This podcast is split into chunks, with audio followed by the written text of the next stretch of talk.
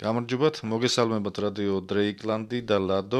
როგორც ეროვნებით ქართველს ყოველთვის მიხარიად ემსიამოვნებს წარმატებულ ქართველებთან კონტაქტი, საუბარი, სადაც არ უნდა იყვნენ ისინი მით უმეტეს გერმანიაში. გავიცნოთ კიდევ ერთი ქართველი ადამიანი, სატელეფონო ხაზია გერმანიაში მცხოვრები ქართველი ემიგრანტი, რეჟისორი გიორგი აბაშიშვილი. გიორგის აქვს მხატვრული ფილმები გადაღებული, ამ ფილმებს მიღებული აქვს მრავალჯილდოები, რომლის შესახებაც გიორგი თავად ისაუბრებს. ამიტომაც ის ადამიანები, ვინც ცდილობთ დაამკვიდროს стереოტიპი, რომ ქართველები თითქოს კრიმინალები ვართ, ძალიან ცდებით. გამარჯობა გიორგი. გამარჯობა გამარჯობა ბატონო ლადო. პირველ რიგში მადლობა რომ ჩემთან გასაუბრება მოინდომეთ. ძალიან მოხარული ვარ. და მივესალმები თქვენ სმენელს. გავიცნოთ საზოგადოებას გიორგი. პირველი კითხვა.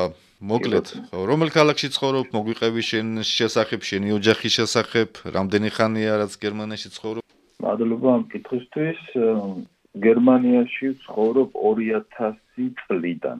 პირველად მიზანი იყო რომ გამეგზელებინა სწავლა საქართველოს დამთავრებული მქონდა ტექნიკური უნივერსიტეტი, ავიაციის ინსტიტუტი, საავიაციო და მინდოდა აქ ელექტროტექნიკა მესწავლა. მაგრამ ოჯახი შეუქმენი მე კიდევ ვიფიქრე რომ მართლა რაც მიზიდავს ცხოვრებაში მეთი იმას ვისწავლი და ეს იყო ფილმი და საშუალებას იძლეოდა აქ კასელის უნივერსიტეტი იმისას რომ ფაკულტეტი იყო ტელევიზია ფილმი ასეთი ვიზუალური კომუნიკაციებში და გადავწყვიტე რომ მეცადა იქ ბედი და რომ მივედი მასშტაბლებლები პროფესორები ვინც იყვნენ რომ შემეკითხეს რა მქონდა გაკეთებული და საერთოდ.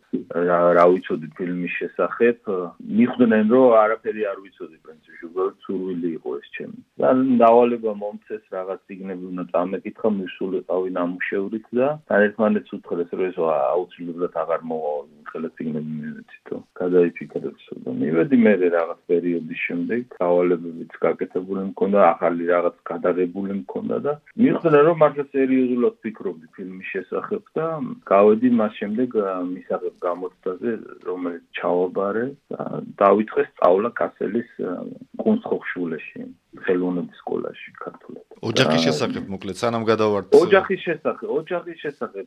ყავს მეუღლე თეონამ ჭედლიშვილი და ორი ბავშვი პირველი შეგვეძინა გერმანიაში 2002 წელს ჩემი ვაჟიშვილი რატი და როდესაც 2012-ში მეველოდებოდით მეორეს გოგონას კვანცას მაშინ ჩემმა მეუღლემ გადაწყვიტა და ორივე ერთად გადაწყვეტილება მეიღო თუ საქართველოში დაუბრუნებულიყავით და მეორე ბავშვი გაგვიჩნდა თბილისში გვინდოდა კიდევაც დარჩენა სადღაც 2-3 წელიწადი ცდილობთ რომ საქართველოს შეუგუებოდით რომ იქ იქ იქ დაგვეწყო ახალი ცხოვრება მაგრამ ვერ შევძელით და 2015-ში ისე მთლიანი ოჯახის შემოქმედებით დაუბრუნდით გერმანიაში. და ტრადიციული კითხვა ტრაფარეტულიც პროფესორით რატომ აირჩიე გერმანია თავდაპირველად ემიგრაციისთვის? გერმანია იმიტომ აირჩიე თავდაპირველად რომ გერმანიაში უფასო სწავლება იყო. ინსტიტუტში შეუძლია ადამიანს უფასოდ ისწავლოს და ისეთი ქვეყნის შვილებისთვის როგორც ახლა ჩვენ ქართველები ვართ და შემოსავლები არ გვაქვს ჩვენი შვილები დავაფინანსოთ რაღაც ან ისეთ უნივერსიტეტებში სადაც წელიწადში რაღაც ათასობით ევროა გადასახდელი. რა თქმა უნდა ძალიან იმზიდველია გერმანია. და რა არის გერმანული ერის მთავარი დადებითი თვისება. გერმანული ერის მთავარი დადებითი თვისება, ну, რა კლიშე იქნება ახლა რასაც ვიტყვი, მაგრამ ეგრეა, რომ მართლა მუშაობა უყვართ, მაგრამ ეს დადებითი თვისება რაღაც უკვე შეიძლება ნეგატიურ თვისებაშიც კი გადადის. განმასხვავებელი თვისება რა არის, მაგით რაც განგვასხვავებს ჩვენ ქართველებს და გერმანელებს? რა განგოსხოს ძირითადად ის რომ გერმანელები ყველაფერს გეგმავენ და ჩვენ არა ჩვენ ძალიან სპონტანურად ვაკეთებთ ყველაფერს. მაგის შესახებ პატარა ანეკდოტივით მაქვს ხოლმე და ყოველთვის ხვები ჩემი გადაღებები როცა მქონდა მე ჩემი საგამოცდო ფილმის. გერმანი ნოდარ ნოდარდომბაძის ნაწარმოებებზე ვაკეთებდით და ნაწილის გადაღება გერმანიაში გუნდა და ნაწილი საქართველოში. და პირველ ეტაპზე გერმანია გადავიღეთ გერმანიაში რო გადაღებები ჩაგვეტარებინა მოსამზადებელი პერიოდი სადღაც ნახევარი წლით ადრე დავიწყეთ და რაღაც თვეების წინ უნდა კითხო რომელი ქუჩა გადაიკეტება დაუშვათ რომ გადავიღოთ ტექნიკა რომ ვიქირაოთ ხალხს უნდა მოველაპარაკოთ თვეები ჭირდება ამ ყველაფერს და მე ნუ გადაჩეული ვიყავი. გადაჩეული კი არა პრინციპში არც ვიცოდი საქართველოს კინო როგორ კეთდებოდა და ჩავედი საქართველოში ამ გადაღებების შემდეგ და როცა მივედი ერთ-ერთ სტუდიაში იქ და უთხარი რომ მე თქვენი კინოკამერა მინდა ვიქირაო. პირველი კითხვა იყო როდის კინო რო იქირაო და სამი თვის მერე მინდოდა ქირაობა და მე შენ გამეწეხლა ვეთქვი სამი თვე და მეტყვიან აქამდე სათხარ და რაღაც. უთხარი სამი თვის მერე მინდა მითი კაცმა შემომხედა და სამი თვის მერე რა სამი თვის შეიძლება ცოცხალი თავარ ვიყო სასაცილო იყო ძალიან იმიტომ რომ ქართველები როგორ ფიქრობენ და გერმანელები როგორ ყოველ ნახევარი წელი ჭირდება თუ დაგეგმო რა ჩვენთან კიდე წამებში უნდა გააკეთო და რეაქცია მოახდინო და მართალი ხარ. ეხლაც რამოდენიმე წუთი გადაცდა ჩვენს ინტერვიუზე ჩემი პროდიუსერი ლამის არ ვიცი გაგიჟდა.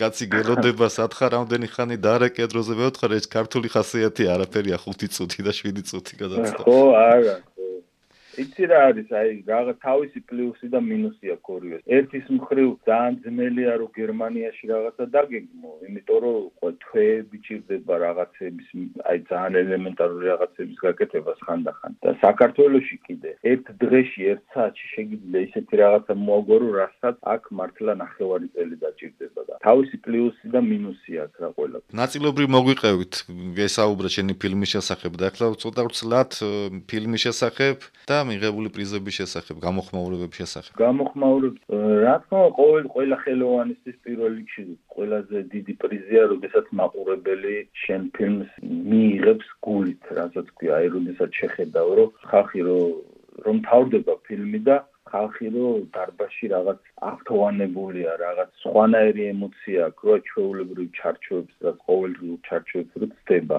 და ეს ესეთი განწყობა მქონდა მე ხშირად ჩემპიონზე და ძალიან მიხარია ეს დაუშვათ, როდესაც ჩემი სადიპლომო ფილმი. ნოდარდუმბაძის ნაწარმოებების მიხედვით იყო გადაღებული ეს ეპიზოდური ფილმია და როდესაც გერმანიის მასშტაბით გავაკეთეთ ტურნე ჩვენ, ჩვენ ძალიან ბევრ ქალაქებში ვიყავით, ბერლინი, კეოლნი, ძირით, რა ვიცი, ძალიან ხარ და არ ჩამოვიდეთ და მოვიწყდება რაღაც ქალაქები და თითქმის ყოველთვის იყო გაყიდული მთლიანად ბილეთები და ქართველებიც რა თქმა უნდა ბევრი მოდიოდნენ სანახავად.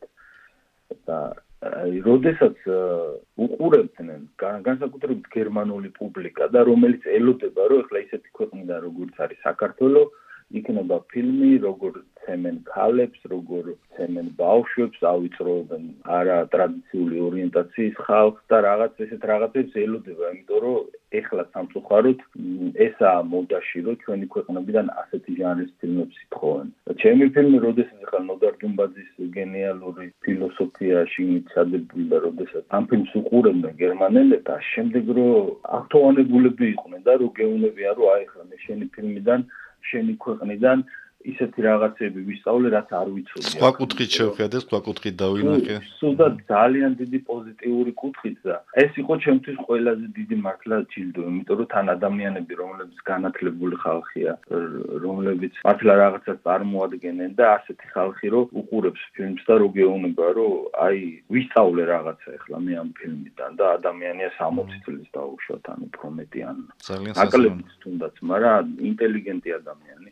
ეს საჯიდო რა თქმა უნდა ეს ჩემი დამსახურება არ არის უფრო ნოდა დუმბაძის დამსახურება იმიტომ რომ ის მოტივებზე ავაგე ეს ფილმი მაგრამ ჩემი დამსახურება ისაა რომ აი აზრი რაც ახლა არის დაუშვათ რომ აი ჩვენაირი ქვეყნებიდან მხოლოდ და მხოლოდ განუვითარებელი ხალხის შთაბეჭდილება რო შექმნა ფილმებით ეს არ მოხდა რა ჩემ ამ ფილმში შემთხვევაში და ეს მიხარია ძალიან მაგრად ასეთვე აგრეთვე ფილმა აიღო დაუშვათ მაკედონიაში რო არ გამორჩეს არის ესეთი ფესტივალი ფილოსოფიური ფილმების ფესტივალი ქვია. და 2017 წელს მაგ ფესტივალზე აიღო ორი ჯილდო ორი მთავარი ჯილდოა ჟიურის და პუბლიკის. და ორივე ჯილდო ჩემ ფილმს მისცეს რომ აღიარეს რომ ყველაზე მაგარი ფილოსოფიური ფილმია ასე თქვა. ძალიან სასიამოვნო. ანუ ფილოსოფიისკენ მიდრეკილება, მიდრეკილება გაქვს როგორც რეჟისორს.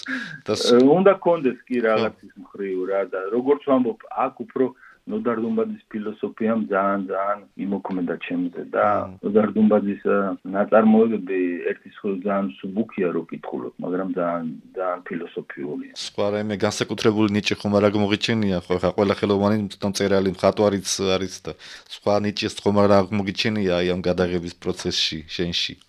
ხო, გადაღების პროცესში რა ვიცი, რაც დამეხმარა ჩემი ნიჭი იყო ესეთი, მუსიკა მიყვარს მე ძალიან, მე თვითონაც რაღაცას ვცდილობ ხოლმე ვაკეთებ მუსიკას ჩემთვის და გამიმართლა რომ კომპოზიტორი შემხვდა ქართული ბიჭი ლევან ბაშარული, რომელიც მიუნხენში სწავლობდა კინომუსიკას და მასთან ერთად გავაკეთე მუსიკა. აი ეს ჩემი მუსიკისადმი რაღაცნაირი განსაკუთრებული დამოკიდებულება და ლევანის პროფესიონალიზმი დამეხმარა რომ ფილმისთვის მართლაც რაღაც საუცხოო მუსიკა შემექმნა. მაყოფილი ვარ მეც და ყველა მეც ფილმს უყურებს. აღნიშნავს რომ მუსიკა უდიდესი როლი ითამაშა ფილმში. და თავი არ გითქვამს, სათაური შენი გადაღებული ფილმის. ფილმის სათაურია ყველაფერი ადამიანი. შევეცადე ნოდარდუმბაძის მთელი ნაწარმოებებიდან ამ ამომეღო ისეთი მარცვლები, რომლებიც ადამიანებში ყველაზე მნიშვნელოვან თემებს ეხებოდა და გამოვიდა 9 ეპიზოდი. სიკვდილი მათ შორის დაუშვათ ან სიყვარული ან ფაქტობრივად გოზერძი ჩოხელის გზას ცოტა მიყვები იქით ფილოსოფიისკენ.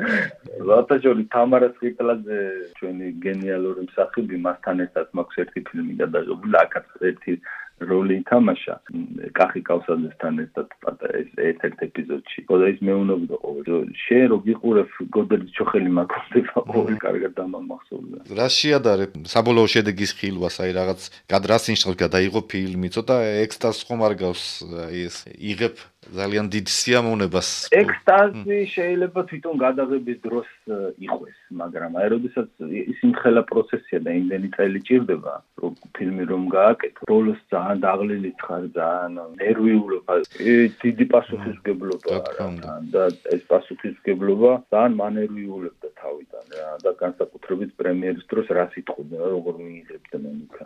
დაუშვათ აგრეთვე მომგლის სცენა მაქვს, სადაც მოდელი პანაობს ერთ-ერთი დუმბაძის ერთ-ერთი პატარა ნაწარმოებია მზექვია და იქიდან მქონდა აღებული ეს მონაკვეთი და გავფიქრობდი რომ ეხლა როგორ მიიღებენ ამას ეხლა ვაჩვენო მოდელი რომელიც წყალში ბანაობს და საქართველოსში ეხლა მაინც ვინმე რაღაც ცუდად არ გაიგოს და მე ვფიქრობდი ხა დუმბაძემ დაწერა ეს როგორ შეიძლება რომ თუდად გაიგო?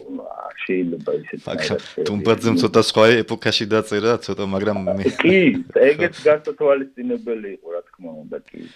მაგრამ დუმბაძეც ადამიანი იყო რომელსაც წამდაღმერთი თავის ნუ ახლა მაგ კრიტერიუმი თუ მიუდგა რა თქმა უნდა წამ თუ მიუდგებით პირველი გასაუბრება ღმერთთან მეორე გასაუბრება დუმბაზე წერე შოთა თუ დამკრეხელობა გამოდის ხო ამ რელიგიური თვალს თვალსაზრისით ო ეგ ეგ კაი გაგახსენა ეგ აღარ მაქვს ეგ მაგარი ну იგივე ისაა ხო როგორ თავისებური მიდგომა გქონდა ღმერთთან და თავისებური სიყვარული და რა თავარია სიყვარული ქონდა დიდ და ყველაფერში ჩანდა და ჩემი აზრით როდესაც სიყვარული ჩანს რანაირ ფორმას მისცემ მას არ აქვს მნიშვნელობა თავარია რომ სიყვარული ჩანდეს რა თქმა უნდა. აი, გითხარით შენი საომაღლო გეგმების შესახებ რა, გეგმაო, რას ფიქრობ მოვალში ის რა გაგჩანა ფიქრი ის გადაღება გინდა თქვათ გეგმა. ეხლა რასაც ფიქრობ რაზეც ვარ ამ ბოლო და რამოდენიმე პროექტი მქონდა რომლის გაკეთებაც მინდოდა ძალიან. ორი თუ სამი სცენარი არის განვითარებული რომლის გადაღებაც მინდა, მაგრამ ერთი ჩემი ფავორიტი რომელიც აი ის ვერ გავიდა, ვერ შევდები ჯერმანდა წინ წასვლა და ამიტომ ახლა გადავწყვიტე რომ საერთოდ სხვა ჟანრისკენ წავსულიყავი და გამეკეთებინა კომედია. თულია გასაკეთებლად კომედია და მინდა რომ ჩემი თავი გამოვცადო კომედიაში და მინდა გავაკეთო კომედია სადაც გერმანიაში მინდა გადავიღო უკვე პროექტი გაშვებულია, ასე ვთქვათ, რაღაც დასაწყისი ეტაპისთვის უკვე მზად ვარ, სცენარიც უკვე დაწერილია. ახლა როდესაც ლოკდაუნი გადაივლის, თიზერის გადაღებას ვაპირებთ, სადღაც 5-7 წუთი ალბათ რო აი როგორი როგორი იქნება ფილმი, რომ დრო ჩანდეს. თავარ როლზე მინდა მსახიობი საქართველოსიდან ჩამოვიდეს, ეს არის როლანდო კროპირიძე, ძალიან კაი მსახიობი და მინდა რომ მან ითამაშოს თავარი როლი ამ ფილმში. ეს ქართველ ემიგრანტზეა, რომელიც რუსულ დისკოტეკაზე მუშაობს. ოკეი. ფაქტობრივად გახსენიგი ყველა კარტი საითმლოსი შენ. კი, კი, კი, არ არ არის დასამალენი. ძალიან კარგი, მაგრამ აი ერთი თავარი ფაქტორი ყველაზე მნიშვნელოვანი ქართული იუმორის სხვა არის, გერმანული იუმორის სხვა არის, როგორც ინგლისური, ხო, ხუმრობად და როგორ როგორ უნდა შეუსადაგო ესენი ერთმანეთს, რომ ერთ თანაბრად მნიშვნელოვნად საინტერესო და სასაცილო იყოს ქართველისთვის და გერმანელისთვის. აი, კაი, ძალიან მაგარი კითხვა დამისვი ახლა, იმიტომ რომ ეგ არის ძალიან რთული გასაკეთებელი, მაგრამ დიდი გამოცდილება მაქვს მაგაში, ამ ჩემი საგამოცდო ფილმიდან გამომდინარე. და ძალიან ძალიან ბევრი უნაფიქრი მაქვს უკვე და გამოცდილება შეძენილი მაქვს როგორ შეიძლება რომ გააკეთო. ახლა ქართული იუმორი არის ძალიან მაგარი ძალიან განსაკუთრებული და გერმანული იუმორი არის რაღაც თავისებური იუმორია და ამ ორი რაღაცის ერთმანეთს შერწყმის რომ შენ როდეს თუ მე შევძელი ის რომ სასაცილო იყოს გერმანელისთვისაც და ქართველისთვისაც, ხო? მაშინ ყველასთვის სასაცილო. ჩათვლი რომ შენი მისია შესრულებულია. ეს ამიტომ რომ იმენად განსხვავებულები არიან კულტურით ეს ორი ხალხი, რომ თუ ერთისთვის და მეორისთვისაც სასაცილოა რაღაცა მისაღებია რაღაცა მაშინ აუცილებლად ყველა დანარჩენი ერებისთვის სოფლიოში გასაგები იქნება და სასაცილო. ეს არის დიდი გამოწვევა და მინდა რომ ამ გამოწვევისკენ წავიდე. რაშიც როგორც ვამბობ, ყველაფერი ადამიანებზე რომელიც გადავიღეთ მქონდა ძალიან კაი იუმორისტული პასაჟები, უფრო იქ დომბაძის რა თქმა უნდა იუმორი დამეხმარა და რამაც ძალიან კარგად იმუშავა. როგორც ქართველებზე, ასე გერმანელებზე. სხვათა შორის ეს კითხვა ეხლა რასაც შენ მისვა მე მქონდა. მაშინ როდესაც ვიღებდი ამ ჩემს ადიპლომო ფილმს. თავიდან მეშინოდა რომ გერმანელები ვერ გაიგებდნენ ამ ფილმს. მაგრამ მე გერმანელებთან ორწლიანი მუშაობის შემდეგ სცენარზე უკვე ვფიქრობდი რომ მე ძალიან არ გადავაკეთე და ძალიან ეხლა ქართველები ვერ გაიგებენ.